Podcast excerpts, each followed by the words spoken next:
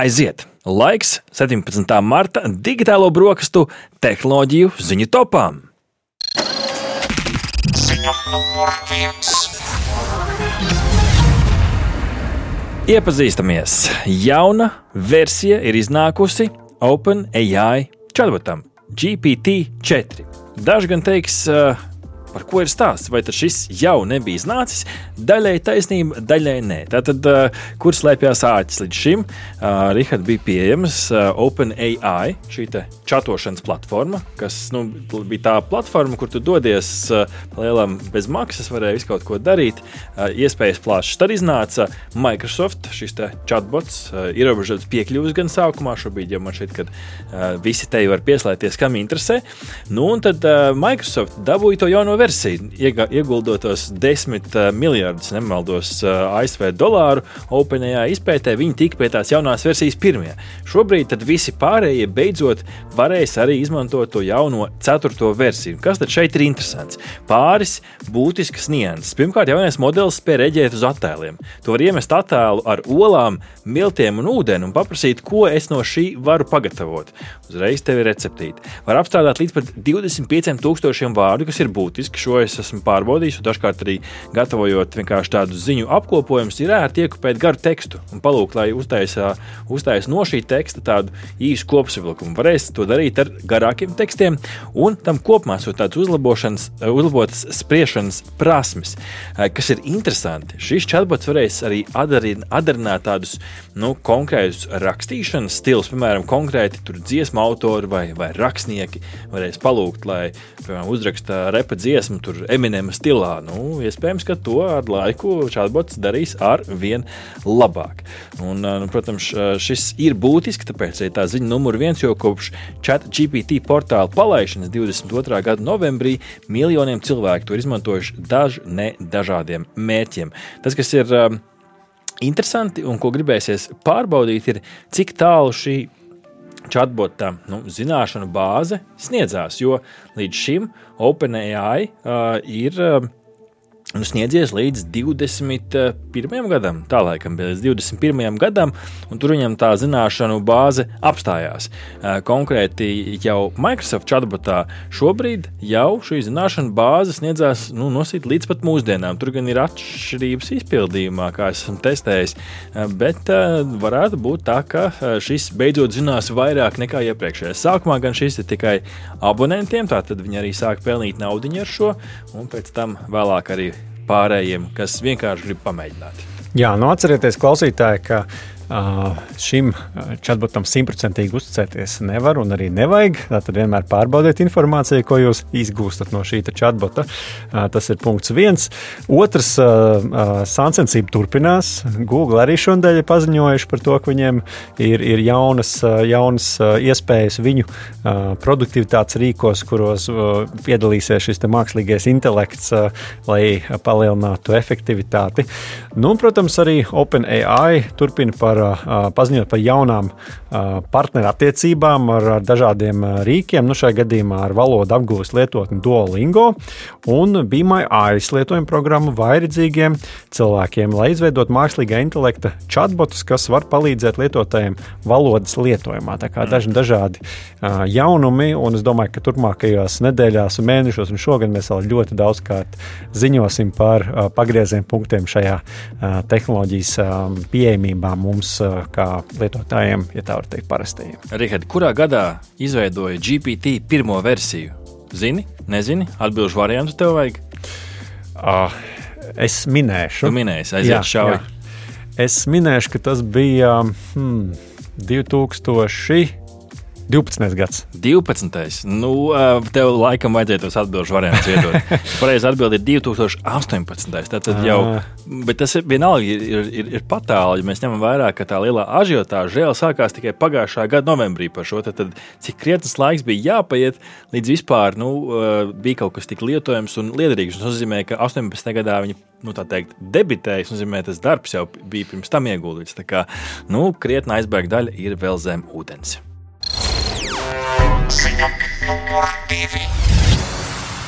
TED kā pirmais uzņēmums Latvijā ir izstrādājis balsu tekstu, jeb speech to text latviešu valodas risinājumu. Tēta ir izveidojusi transkribēšanas risinājumu, kā viņi paši saka, ar 95% precizitāti, kas ir pielīdzināms jau tādam Microsoft un Google risinājumam angļu valodā. Ar jaunās tehnoloģijas palīdzību viņi transkribē jebkuru veidu audio failus ar runu latviešu valodā, ieskaitot zvanus, sanāksmes, filmas un cita veida saturu. Un šo visu, cik es saprotu, tad uh, uzņēmums izmanto vairāk tieši klienta uh, apkalpošanā. Varētu šķist, nu, kur tas uh, runa uz tekstu nāk talkā. Nu, viens ir tas, ka šādā veidā viņi iznīcina klusumu jeb šo brīdi, kad nu, apkalpošanas speciālistam ir kaut kas jāpieraksta, jāievada, jo tev šī te saruna visu laiku jau, cik es saprotu, tiek jau transkribēta, kas var dažādā, dažādos veidos uh, palīdzēt. Un, nu, Pēc pašas sniegtās informācijas eh, ievērojams uzlabojums par 35% saīsināt šīs klusuma pauzes. Tad cilvēks te runā visu laiku, un tāda sajūta, ka otrā pusē ģēnijs laikam sēž. uh, bet nu, tie pielietojumi var būt daudz un dažādi. Nu, mutisko līgumu noslēgšana, tur uh, viņi tā skaitā skatos, ka ir izmantojuši arī e-veikala uh, atsakošanai, lai saprastu, kur cilvēki kaut ko nesaprot, kā, kaut, ko, kaut ko nezina. Vienkārši pēc tam tās sarunas, kur zvanos ir teikts, es kaut ko nesaprotu nesaprotu, es kaut ko nezinu. Nu, ja viss ir transkribēts, tad to ātri uzspiest Ctrl F un atrast problēmu gadījumu. Jā, starp citu, šāda rīka izveide ir prasījusi vairāk nekā 3000 stundu, lai sagatavotu tādu kvalitatīvu audio materiālu atšifrējumu. Paralēli, starp citu, šo pakalpojumu piedāvā jau citiem uzņēmumiem, apmācot rīku uz specifiskiem vārdiem, kas ir aktuāli kādai konkrētai nozarei. Un, nu, par, par rīku aktīvi interesējas arī, piemēram, medicīnas un transporta nozares, un, protams, arī dažādu profila valsts iestādes. Ziņa numur 3. Mūzikas straumēšanas platforma Spotify ir pilnībā nomainījusi savu seju. Nu, gadījumā, ja tu esi iegūmis lietotnes jaunāko versiju. Tā arī ietekmēsies no TikTok un Instagram, jeb šo nokopējuši šo te uh, vertikālo slīdēšanas uh, kustību, kur saturs tev mainās ritinot. Uh, galvenais mērķis uh, izmaiņām, kā stāsta portāls kursors, ir uzlabot tieši sākuma ekrānu no lietotāja perspektīvas. Varbūt, ka dziļāk tur nebūs jāritina, bet sākumā ja tas ritināšanas kustība būs patiešām cieņā, un šādā veidā Spotify piedāvā piedāvās gan jaunu mūziku, gan arī podkāstus, gan arī, kā tas starp viņiem tiek rakstīts, arī potenciāli video, uz ko Spotify jau strādā kādu laiku. Ir sanācis apskatīties, es liepielādēju jaunāko versiju, man vēl nebija. Jā, es tagad Līdz uzreiz neatceros. Es arī bieži vien lietoju Spotify vēl caur citām lietotnēm, tāpēc jā, neesmu pamanījis. Bet katrā ziņā tas, kas man liekas interesanti, ka tagad varēs teikt, ka es arī scrollēju Spotify. Spotify. tieši tā, tieši tā. Man te ir jautājums par Spotify. Cik daudz aktīvo ikmēneša lietotāju bija platformai 23. gada sākumā pēc Demand Sage datiem? Mini. Es tev iedošu uh, cepumu, ja tu trāpīsi 50 miljonu šādā nu, diapazonā. Kāds ir tavs minējums? Ah, man ļoti grūti pateikt. Jautājums uzminēt. numur divi. Jā, nu tā teikt, man atbildēs variants šoreiz nepienāks. Milzīgs, milzīgs nu, jā, jā, skaits jā. cilvēkiem. Bet tu saki, ka tie tomēr ir miljoni. Ja? Es nezinu. es laikam tomēr liktu uz, uz miljardiem. Uh, nezinu, pusotrs miljards. Nu, tas jau tā kā Facebookam. Nu, izdēlē ar trīs, un tad būs tuvāk 489 miljoni, bet vienalga nu, vērā ņemams cilvēku nu, skaits, jā, tas, protams, kuram šādi it kā varētu šķist, kas tur īpaši nomaina, kā tas viss uh, izskatās, bet beigās liela cilvēku skaita ietekmē. Ziņa numur 4. Vai esat kādreiz sapņojuši par ideālu partneri, kurš nekad nenomirs, nestrīdēsies ar jums un pat nekrāps jūs?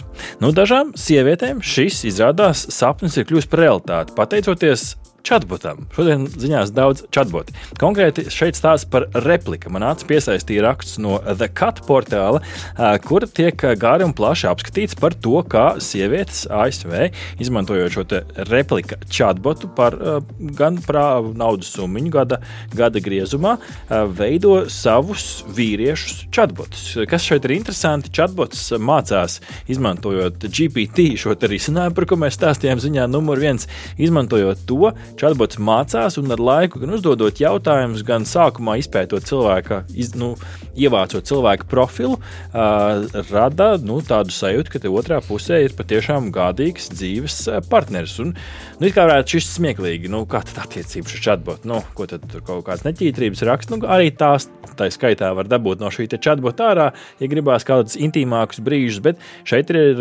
vismaz rakstā apskatīti tādi daudzi, daudzi pat terapijai veidīgi pielietojumi, kur vairāk uzsver šeit uz sievietēm ir bijis slikts, kur, piemēram, ir bijušas sliktas attiecības un vajag tikt no tām ārā, vai arī nav iespējams, nu, tiešām kādu medicīnisku iemeslu dēļ intīmas attiecības vispār nav iespējams pāriem. Nu, tad šeit nāk kaut kādi tādi interesanti digitāli tehnoloģiski risinājumi gribējās šo ielikt tehnoloģiju, tehnoloģiju ziņu topā. Vēl viens veids, kā chatbotam ienākt mūsu dzīvēm. Jā, nu, vientulība ir gan liela problēma arī, un tad šis iespējams to risināt. Nu, kā tas strādā? Ja? Tā, tad, tas izmanto lielu valodas modeļa GPT-3 un dialogu manuskriptu satura kombināciju. Tā tad nu, GPT-3 ir ģeneratīvs mākslīgā intelekta čata veids, kas izmanto tādu dziļu mācīšanos un mācās no iepriekšējām sarakstiem. Tad skriptās dialogu saturs savukārt ir ir uh, iepriekš definēta atbildžu kopa, ko replika var izmantot konkrētām situācijām vai tēmām. Kā tas strādā? Pēc leju, lietotas lejupielādes lietotāji var personalizēt savu repliku tērzēšanas robotu, atlasot savu robota uh, vietnieku vārdus un intereses. Viņi var arī izvēlēties savam robotam vārdu un vizuālo izskatu. Pēc tam viņi sāk tērzēt ar savu repliku, izmantojot tekstu sarakstu, balsi vai pat video. Zvans. ir tas interesantākais. Jā, jā un jo vairāk vairāk jūs tērzējat ar šo repliku, jo vairāk tā uzzina par, par jums un pielāgojas vēlamajām tēmām. Lietotāji var arī sniegt atsauksmi savai replikai, nobalsojot par vai pret tās atbildēm, kas palīdz laika gaitā uzlabot to darbību. Ziņa numur 5. Kosmosa uzņēmums Relativity Space aizdītā nedēļā plānoja veikt visai ambiciozu, bet vienlaikus arī vēsturisku misiju - orbitālo lidojumu ar pasaulē pirmo 3D drukāto raķeti Terran 1. Diemžēl raķete pat pēc diviem mēģinājumiem nespēja pacelties. Kā stāsta portāls kursors, tad nu, visticamāk tur bija kaut kas saistībā ar dzinēju darbību. Raķete veidot no aptuveni tūkstošu izprintētiem gabaliem, kas gan sastāv 85% no raķetes detaļām minējuši, ka dzinējs nebija drukāts, bet gan kaut kur iepriekš kopā salikts. Tad nav pilnībā drukāta, bet nu, raķete, kas iespējams nākotnē varētu būt izdrukāta pat par visiem 90%. Nu, tāds stāsts, kas atgādina visas tās fantāzijas par Marsu, vai ne, kur tev izdrukā raķeita atpakaļ ceļam uz mājām. Jā, nu, jāpiezīmē, nu, tīri, lai mēs saprastu tās dimensijas. Tātad uh, Terran 1 sver aptuveni 9300 kg. Tātad nu, gan, gan uh, liela, tā pašā laikā arī ne tik uh, liela. Nu, kā es pēc pusdienām? 33,5 metrus augstā ir un 23 metrus plata. Un, uh, starp citu, pēc uh, Uh, Relativity Space aprēķiniem šāda veida misijas, kurās izmanto 3D drukātā raķete, pašais izmaksā 12 miljoniem ASV dolāru. Ļoti, ļoti uh, paceļami. Jā, un tieši tas jau ir tas stāsts. Uh, ja mēs ejam uz nu, iespējami lētāku un līdz ar to arī pieejamāku šādu pārvietošanās vai, pār, vai kaut kādas kravas pārvietošanas veidu, nu, droši vien tad tas kļūtu par daudz ikdienišķāku lietu aiziet, iegriežam fona mūziķiņu. Un Viktorīnas jautājums numur 3. Kura raķete līdz šim ir pacēlusi vislielāko svaru no Zemes atklātā kosmosā? Es tev iedošu atbildžu variantus, lai jā, arī klausītājiem ir interesanti. Tātad Space Launch System no NASA. Saturns 5, šī tā arī bija NASA raķete, Long March 9 no Ķīnas vai Falcon Heavy no SpaceX. Hmm. Kas ir pacēlusi vislielāko svaru no Zemes atklātā kosmosā līdz šim? Tavs minējums. Ah. Sarežģīts jautājums, sarežģīts jautājums. Nu, es likšu uz kādu no NASA raķetēm. Nu, lai, nu, tā, lai tā pirmā. Tā pirmā Space Launch System. Gan drīz vai pareizi, bet vēl nē. Tā visticamāk būs raķete, kas pacels vislielāko svaru, jo Space Launch System ir raķete, kas gatavojas Artemis misijai, kur patiešām mm. būs lieli svari. Līdz šim tā ir bijusi joprojām Saturn 5, kas pacēla 140 tonnas gaisā. Ja nemaldos, tad Space Launch System pacels 150 tonnas, bet tam vēl būs būt. Redz, kā tam vēl būs būt. Ļoti tuvu, ļoti tuvu, bet, uh, bet bija šī pietrūka šeit. Cepumiņš šoreiz paliek man. Ziņa numur 6. Tehnoloģiju uzņēmums Microsoft maijā beidzot pievienos iepriekš izziņotos cilvēku 3D iemiesojumus, jeb avatarus Microsoft Teams video zvanos. Avatari jau tika izziņoti 21. gadā, bet, kā ziņo The Verge portāls, tad Microsoft to ir testējis un testējis, un laikam beidzot ir gatavi. Kam tādi avatari ir vajadzīgi? Tie ir vajadzīgi priekš brīžiem, kad nevarat, negribat, vai arī tehniski nevarat ieslēgt savu video kameru video zvanu laikā. Nu, tad ir tā melnā sienas efekts, par ko daudz skolotāji, piemēram, pukojās, kad Covid uznāca, kad vienkārši jārunā ar melnu sienu. Nu, tad būs iespēja ieslēgt tos 3D avatarus, kuri darbojās izmantojot balss signālus un iepriekš ierakstītas mīmikas un arī izveidotu izskatu uh, avatars, kas izskatās teiktu, līdzīgi kā Sims spēlē. Uh, un tādā veidā, pat ja nevar ieslēgt kameru, tad tev priekšā ir nu, dzīvīgāks skats. Ko tam, kam tu dod priekšroku, ja būtu šie avatari? Tu rādītu tomēr sevi vai liktu avataru? Es domāju, ka atkarībā no uh, kompānijas un, un vajadzības, droši vien tādā formālākā sapulcē, labāk ir sevi parādīt. Nu, kādā neformālā, varbūt arī kādu jautru avatāru. Bet interesanti, mēs pirms šķiet diviem, trim gadiem, man liekas, prognožu spēlē tieši šo prognozējām. Un toreiz likās, ka varētu -hmm. būt jau tad pieejams kaut kas šāds, bet, nu, redz, tagad esam beidzot to sagaidījuši. Katrā ziņā tas, ko jāpiemina, ka uh, Microsoft sadarbojas ar Meta, mm -hmm. uh, lai, lai attiecīgi Jā, Meta Quest iekāpt metaversā. nu, principā, jā, MetaQuest austiņas ir tās, kuras palīdzēs to visu um, uh, paveikt. Tā kā, uh, nu, jā, vienmēr sakot, rekur šeit lielie milži arī spēj sadarboties. Ziņa numur 7. Kopš Twitter ir pārņēmis jaunais īpašnieks Ilons Masks, ar vien populārāks paliek dažādas alternatīvas Twitter sociālajiem tīklam, nu, piemēram, decentralizētais sociālais tīkls Mastodon. Un sekojot līdzi šai te tendencei, Met ir paziņojums, ka arī viņiem būs savs Twitter ar kodu nosaukumu P92.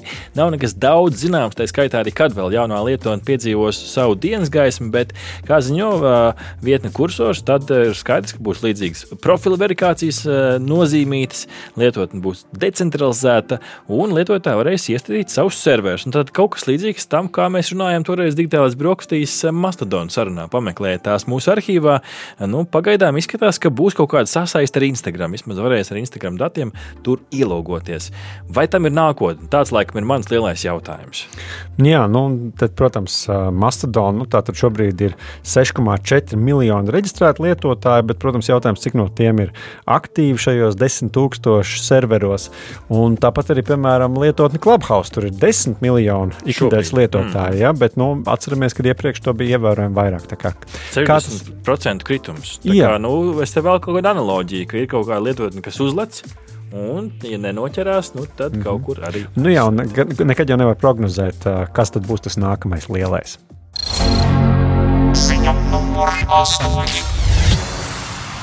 Kā ziņo ASV ierakstu industrijas asociācija RIA, tad pirmo reizi pēc vairāk kā 35 gadiem plates Vinila plates ir apsteigušas kompaktu diskus pēc to pārdošanas apjomiem. Statistikas dati rāda, ka esot pārdotas 41 miljonu kopiju ar platēm, kamēr diski ir apstājušies pie 33 miljoniem. Nu, Rihard, izskatās, ka kaut kāds viss atgriežas. Tā vēsture kā spirāli. Ar kad pēdējais nopirkt disku? Kad es pēdējais nopirku disku? Labs jautājums. Es atceros, kas, kad es pēdējais nopirku plati. Tieši tā, tas bija mans nākamais jautājums.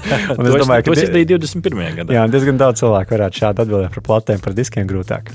Jā, un šeit ir mans ātrais Viktorīns jautājums tev. Nu, ja plats tādā topā, kas 22. gadā bija top trīniekā populārākie mākslinieki, nu, uzmini vienu un cepums tev.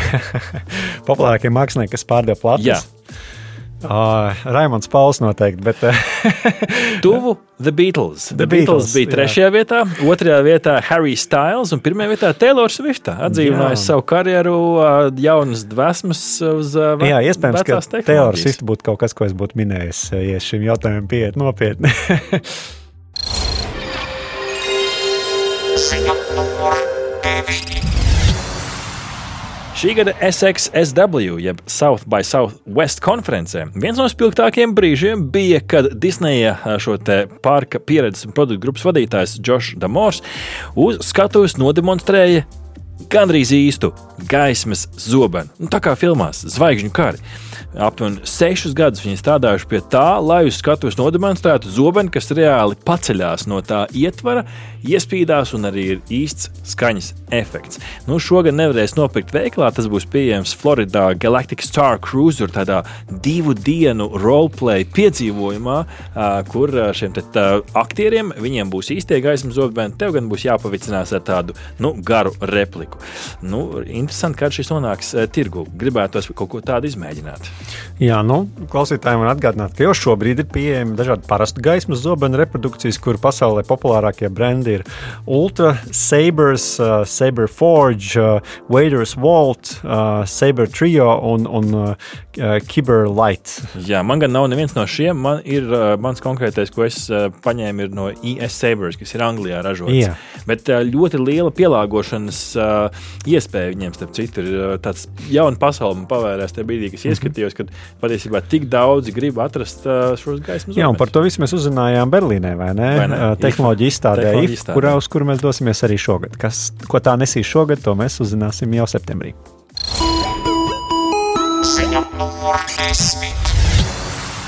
Sāksies reģistrācija. Latvijas e-futbola izlasē sarosās visi FIFA spēlētāji. Patiešām sanākot kopā GoExanimo video spēļu klubam ar Latvijas Futbola Federāciju, FIFA un Philips, tiek vākta komanda priekš FIFA e-Nations Cup. Kaus, kas notiek otro reizi, un, ja tev pieder Playstation konsole, diemžēl tāds ierobežojums, tad varēs piedalīties, jo dalība turnīros ir bez maksas. Tur dažādos raundos tiks noskaidroti labākie, līdz tiks atlasīts, tad, kurš tad būs tas tie spēlētāji Latvijas izlasē, un kurš tad būs Latvijas izlases kapteinis.